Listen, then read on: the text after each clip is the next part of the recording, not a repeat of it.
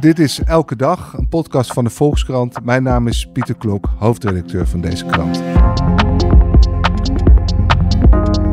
Niet alleen in Nederland gaan boeren de snelwegen op, ook in Duitsland blokkeren ze wegen.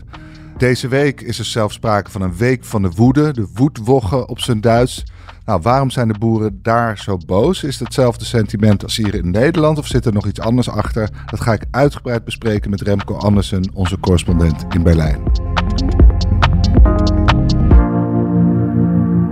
Remco, uh, je was deze week al heel vroeg opgestaan om uh, bij die blokkade van die Duitse boeren te staan. En vanmorgen moest je alweer vroeg op om de treinstaking uh, te beschrijven.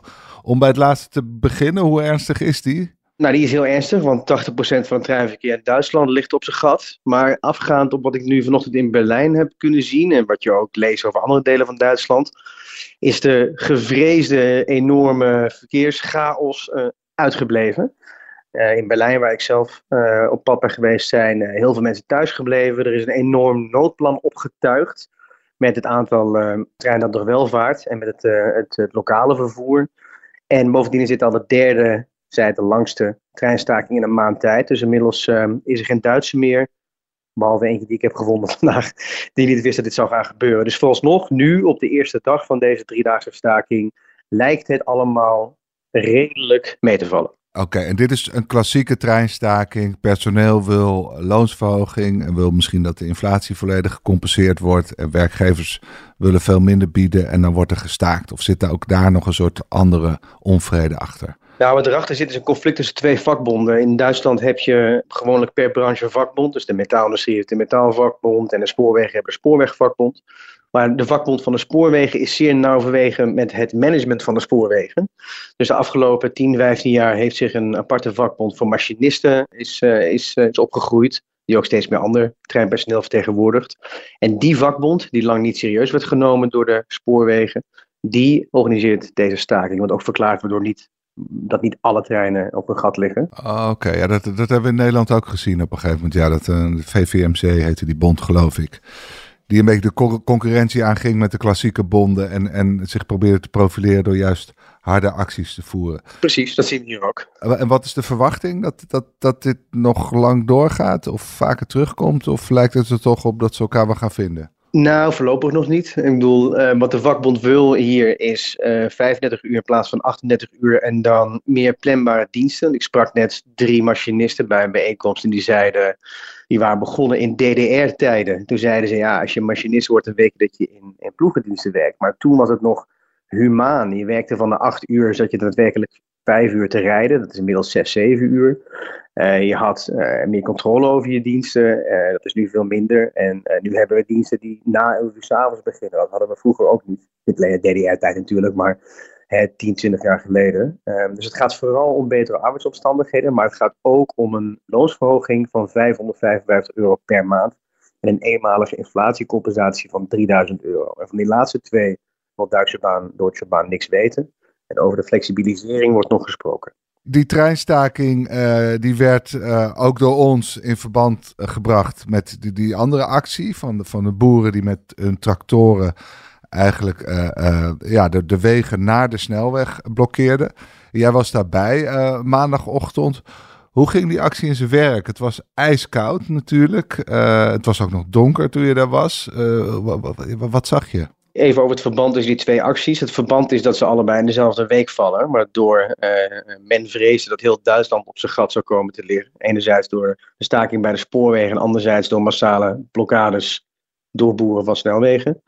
Alleen bij de spoorwegen gaat het echt om een redelijk klassiek uh, CAO-conflict, terwijl het bij de boerenprotesten gaat om een veel breder en snel groeiend probleem in Duitsland, namelijk de groeiende tweespalt in de samenleving, waarbij grote delen van de bevolking uh, eigenlijk uh, niets meer te maken willen hebben met de regering, het regeringsbeleid en het land waarin ze leven. En dat, dat speelt bij die boerenprotesten een grote rol.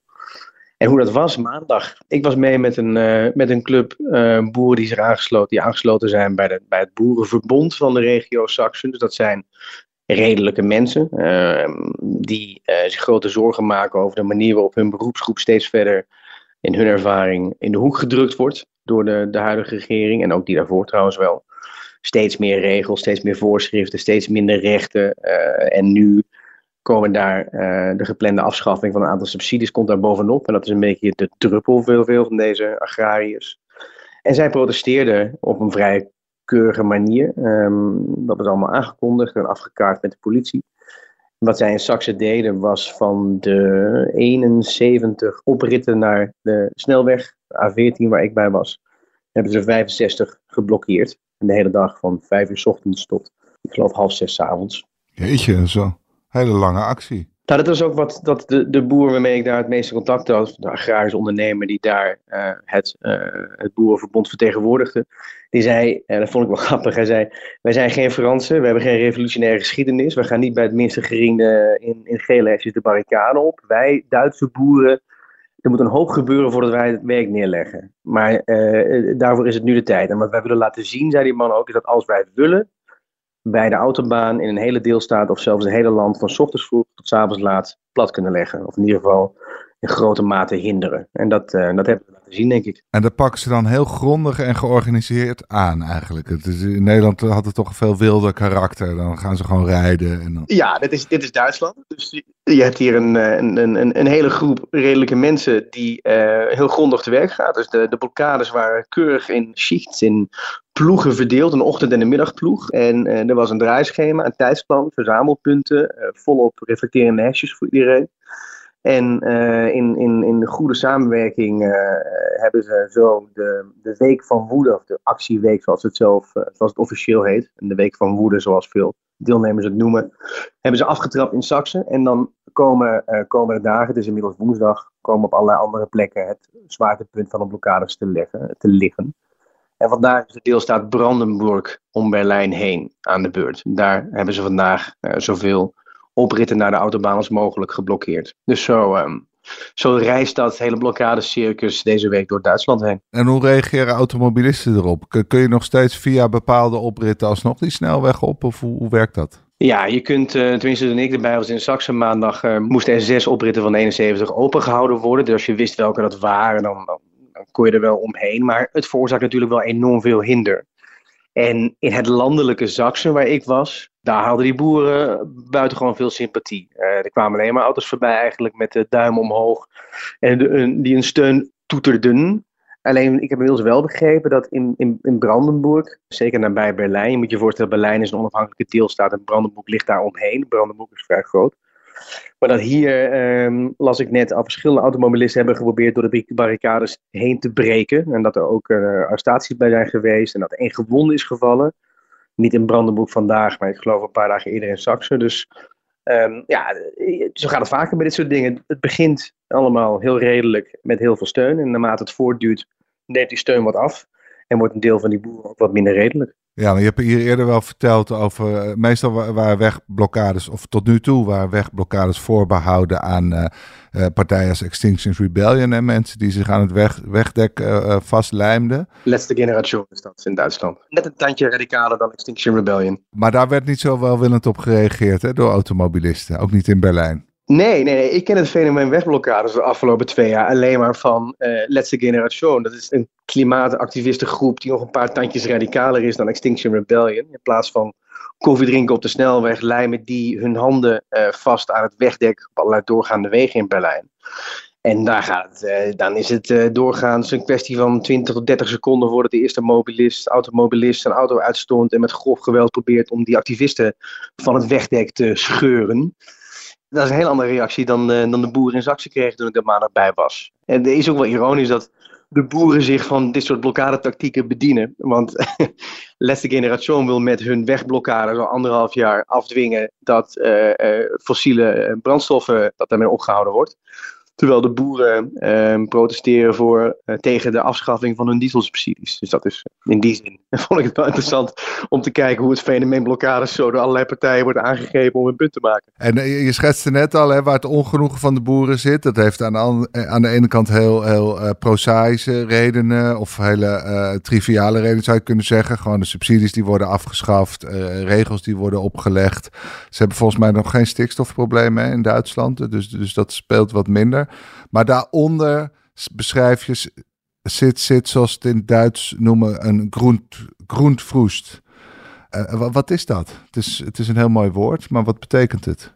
Poeh, waar moet ik beginnen? Ik denk dat je, eh, wat je de afgelopen jaren ziet gebeuren in allerlei andere landen, bij ons en in onze buurlanden, ook in de VS, en is dat een, een steeds groter deel van de bevolking dat zich op enige wijze niet gehoord voelt of niet serieus genomen voelt. Of het nou gaat om, om, om protesten tegen coronamaatregelen of uh, zorgen over inflatie en energieprijzen of over stikstofcrisis in Nederland of, of, of andere onvrede bij boeren in Duitsland. Dat dat het probleem waar veel regeringen mee worstelen in, in ons deel van de wereld is een groeiende tweespalt in de samenleving. En dat is in Duitsland niet nieuw, maar de mate waarin dat nu door het brede midden van de samenleving uh, begint te lopen, dat komt in Duitsland wat vertraagd op gang als je het vergelijkt met, uh, met Nederland of Frankrijk. En uh, dat zien we nu denk ik gebeuren. De tweespalt in de Duitse samenleving, waarbij delen van de bevolking eigenlijk zich afkeren van de democratie waarin ze leven. Die zeggen wij vertrouwen niemand meer, we vertrouwen de media niet, we vertrouwen de wetenschap niet, we vertrouwen de politici in Berlijn al helemaal niet.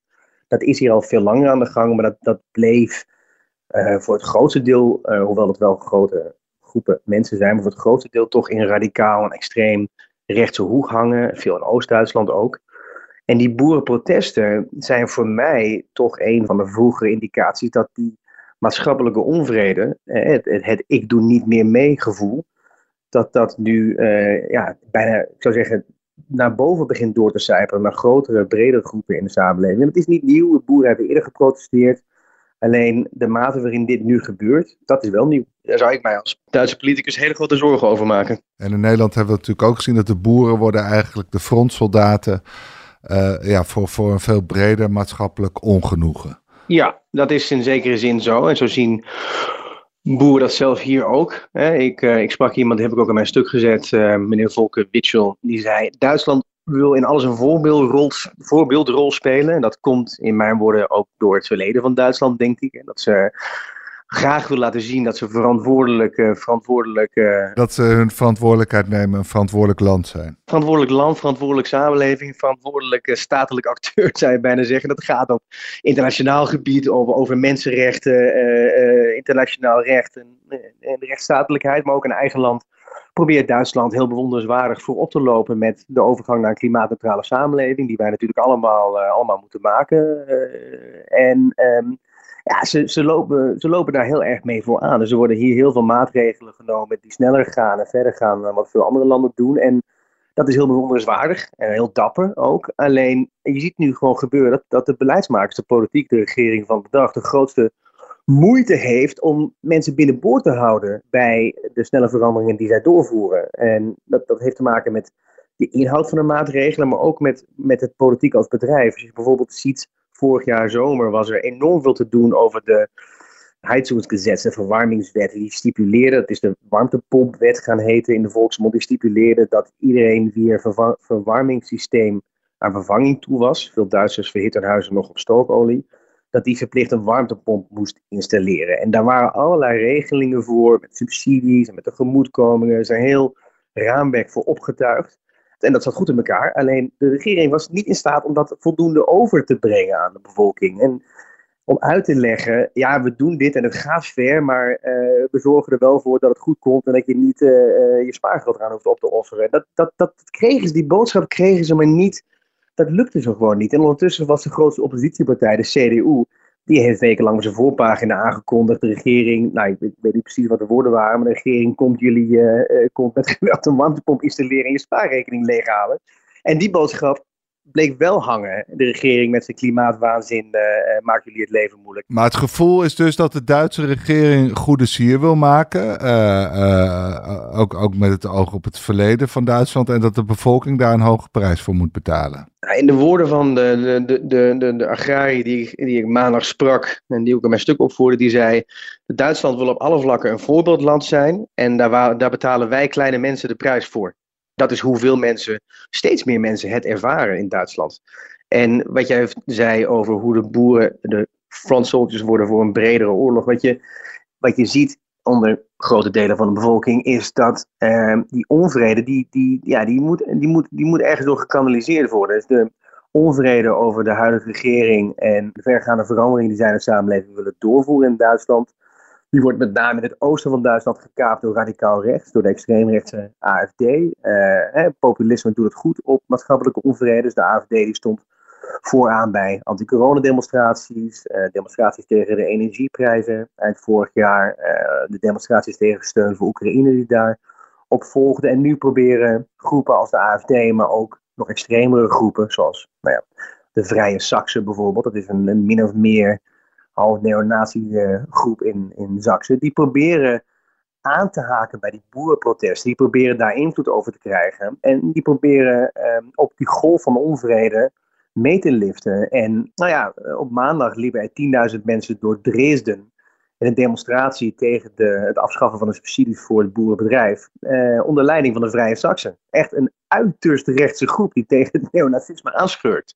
Omdat die mensen denken: wij zijn boos, zij zijn boos, jullie zijn boos, iedereen is boos. We zijn samen boos, we lopen lekker mee. En ja, zo, zo vervagen al die, uh, die grenzen een beetje. En krijg je uiteindelijk een hele grote boze menigte waarover extreem rechts hoopt de regie te winnen. En dat is iets wat eh, veel, veel mensen zorgen baart in, uh, in Duitsland. Maar wat vinden die degelijke boeren van jou daarvan, met wie je langs de snelweg stond? Vinden die dat niet heel onaangenaam, dat hun uh, vaak terechte grieven worden gekaapt? Die hebben daar twee meningen over, die ik beide heel begrijpelijk vind. Ik, nogmaals, ik was gewoon mee met de, de, grote, de grote middenmoot van, uh, van, van de redelijke agrariërs, om het zo maar even te noemen. De overgrote deel van de boer is natuurlijk geen extremist, die is gewoon boer. En die zeggen, wij vinden het ook zorgelijk. Uh, wij zien ook wat er gebeurt. En we weten dat in het oosten van Duitsland, en dan zeker in deelstaat Saxe, waar 37% van de mensen volgens de laatste peilingen op de extreemrechtse AFD wil gaan stemmen. Tuurlijk weten wij ook dat dit een risico is. Wij vinden dat ook zorgelijk. Maar we kunnen niet fysiek dat soort figuren weghouden bij demonstraties met duizenden mensen in de steden. Eén. En twee, wij willen wel graag dat onze grieven gehoord worden. Maar zodra wij de straat op gaan te zeggen, jongens, het water staat ons aan de lippen. Wij betalen de prijs voor de, de, de klimaatplannen van de regering. Onze subsidies worden afgeschaft. En uh, wij willen dat er naar ons geluisterd wordt. Dan gaat de, de volledige Duitse media schrijven, extreem rechts mengt zich in boerenprotesten. Ja, hallo. En waar zijn wij in dit, uh, in dit geweld? Dus dat, dat kan ik ook heel goed begrijpen, dat gevoel. 37 procent zei dat begint alweer, dat gaat richting de percentages uit de jaren 30. Uh, ja. die vergelijking ga ik niet trekken met de jaren 30. Maar je moet je voorstellen, de AFD is een, is een, is een landelijke beweging. Uh, maar hebben ook in elke deelstaat hun eigen afdelingen. En de Duitse Veiligheidsdienst die heeft drie niveaus voor het inschalen van extreemrechtse bewegingen. Niveau 1 is, het is een verdachtsval. We gaan er naar kijken. Niveau 2 is proevingsval. We denken dat het inderdaad zo is. We gaan het officieel onderzoeken, infiltreren, observeren en afluisteren. En niveau 3 is het extreem rechts. Dat betekent dat de Duitse Binnenlandse Veiligheidsdienst zegt: deze organisatie is bewezen extreem rechts. Put. En dat hebben ze inmiddels van de AFD in Turingen gezegd, al een paar jaar geleden. En sinds een paar maanden zegt de Veiligheidsdienst ook over de AFD in Zaksen en in Zaksen-Anhalt. Dat zijn bewezen extreemrechtse organisaties. En 37% van de stemgerechtigden in Zaksen zegt op die partij te gaan stemmen. Dus ja, dat extreem rechts overal zit in het oosten van Duitsland, uh, dat kan niemand ontkennen. Maar om dat nou in één keer te vereenzelvigen met de boerenprotesten, ja, dat is niet helemaal eerlijk. Maar goed, uh, je zei ook dat zelfs de, steun aan Oekraïne wordt ook uh, aangevallen door, door deze partijen. En, en draagt het allemaal bij aan hetzelfde gevoel, hè, dat Duitsland ook Oekraïne steunt om goede zier te maken en om om, een beetje, om toch ook een beetje hun geschiedenis, uh, alles wat ze in de geschiedenis hebben gedaan, goed te maken. Dat is toch wel heel wonderlijk. Dat, dat dus de grootste ongenoegen voortkomt uit Duitslands pogingen om het goede te doen. Ja, pogingen om, om het goede te doen, maar het zijn natuurlijk ook gewoon strategische overwegingen. Hè? Ik bedoel, uh, Duitsland steunt Oekraïne niet alleen maar uit een soort historisch schuldgevoel, maar ook uit, uit, uit, uit, uit geopolitieke overwegingen. En wat wij allemaal in het Westen doen, namelijk de overtuiging dat als Rusland uh, op deze manier zijn macht doet gelden naar de randen van Europa, dat we daar uiteindelijk allemaal uh, de prijs voor betalen. Dus het is niet alleen maar een of ander historisch schuldgevoel, maar en zeker in het oosten van Duitsland, daar hebben heel veel mensen een hele andere kijk op Rusland dan in de rest van, uh, of in de rest, dan in, in West-Europa zou ik bijna willen zeggen. Maar als je alles op een hoop gooit, um, dus de, de, de hoge energieprijzen, die uh, in de ogen van veel mensen daar eigenlijk het resultaat waren van een, een ondoordachte Duitse beslissing om geen gas meer van, van Rusland te kopen. Want zo zien veel mensen in, in dat deel van Duitsland dat. De inflatie, de, daarvoor de coronaprotesten, waar uh, ook weer veel mensen in het oosten straat op gingen tegen wat zij zien als uh, opgelegde maatregelen vanuit Berlijn. En dan nu weer deze crisis. Er heeft gewoon een heel sterk gevoel onder een groot deel van de bevolking in dat deel van Duitsland. Dat de regering in Berlijn, zij daarboven, dat hij geen zier om zich geeft dat hij uh, totaal niet begaan is met wat uh, de, werkende, de werkende mens in deelstaten als Saxe en Turingen voor zorgen heeft. En wat hij betaalt voor zijn energierekening. En wat hij eigenlijk vindt van het leven en hoe het land gerund zou moeten worden. En die tweespal, zoals ik het eerder noemde, dat is iets wat alleen maar groeit. En waaruit allerlei politieke partijen en bewegingen proberen om uh, eigen gewin uit te halen en om dat aan te voeren. Ja, want CDU, de, natuurlijk de, nu veruit de grootste partij nog steeds in de peilingen als je landelijk kijkt die hebben eigenlijk besloten om toch flink naar rechts op te schuiven, denk ik, om dit uh, ongenoegen de wind uit de zeilen te nemen. Is dat inderdaad de beste strategie? We hebben dat ook in Nederland natuurlijk bij de VVD eerder gezien, dat je uh, rechts probeert de pas af te snijden door uh, deels hun opvattingen en hun ongenoegen over te nemen. Of dat de beste strategie is, daar, uh, daar hebben in onze krant uh, tientallen columnisten hun, uh, hun mening over gegeven. dat weet ik ook niet. Niemand heeft daar het alomvattende antwoord op. Of het nou in Nederland is of in Duitsland. er zijn allerlei partijen rechts van het midden die denken we moeten wat naar rechts opschuiven. Nou ja, in Nederland zie je wat dat heeft opgeleverd tot nu toe met de laatste verkiezingen. Moet je naar rechts bewegen om extreemrechtse pas afsnijden? Of moet je extreemrechts gaan verbieden in de hoop dat mensen terugkeren naar het politieke midden. Niemand die het antwoord heeft op, dit, op, op de vragen van onze tijd, zou ik bijna willen zeggen. In Duitsland ook niet. Maar de CDU heeft kennelijk besloten dat ze verder naar rechts moeten om uh, AFD-kiezers terug te winnen of te winnen. En deels is dat ook een historische correctie, want de CDU is een oerconservatieve christendemocratische partij, is de stem van conservatief Duitsland. Alleen onder Merkel zijn wij gaan geloven dat het een soort progressieve pionier is, de CDU. Maar dat zijn ze helemaal niet. Dus die gaan in zekere zin ook terug naar waar ze vandaan komen. Na een tijdelijke onderbreking in de vorm van Merkel. Merkel is zo ontevreden over die koerswijziging dat ze uh, zich terug heeft getrokken, toch? Of dat, daar lijkt het op. Daar lijkt het op. Ja, Merkel zelf heeft er geen verklaring over uitgegeven. Uh, als je aan Merkel vraagt, tenminste ik niet, maar als Duitse media aan Merkel vragen waarom, uh, waarom ben je niet langer betrokken bij de Konrad Adenauer Stichting, het wetenschappelijk bureau van de CDU, of waarom ben je niet bij deze ceremonie geweest of bij die begrafenis, dan zegt de woordvoerder van Merkel stevast, Merkel heeft het druk met een boek waar ze werkt of andere verplichtingen. Maar ja, door de regels heen leest men in Duitsland toch wel de boodschap dat Merkel, uh, hoewel er ook wel andere zaken spelen, maar Merkel uh, zich niet kan vinden in de, de oerconservatieve koers die de CDU is gaan varen sinds haar vertrek. En zich daarom uh, stilletjes terugtrekt uit de partij die zij als bondskanselarin 16 jaar lang heeft vertegenwoordigd. Goed. Remco, mag ik je heel erg danken voor je heldere uitleg. Ja, heel graag gedaan. Het zijn spannende tijden in Duitsland. Ik hou je op de hoogte. En u luisteraar, dank voor het luisteren naar de Volkskrant Elke Dag. Deze aflevering werd gemaakt door Lotte Grimbergen, Julia van Alem en Rinky Bartels. Wilt u de Volkskrant steunen? Dat kan, vooral door een abonnement te nemen. En dat kan u voordelig via volkskrant.nl slash podcastactie. Want deze podcast is gratis, maar onze journalistiek is dat niet. Morgen zijn we weer. Tot dan.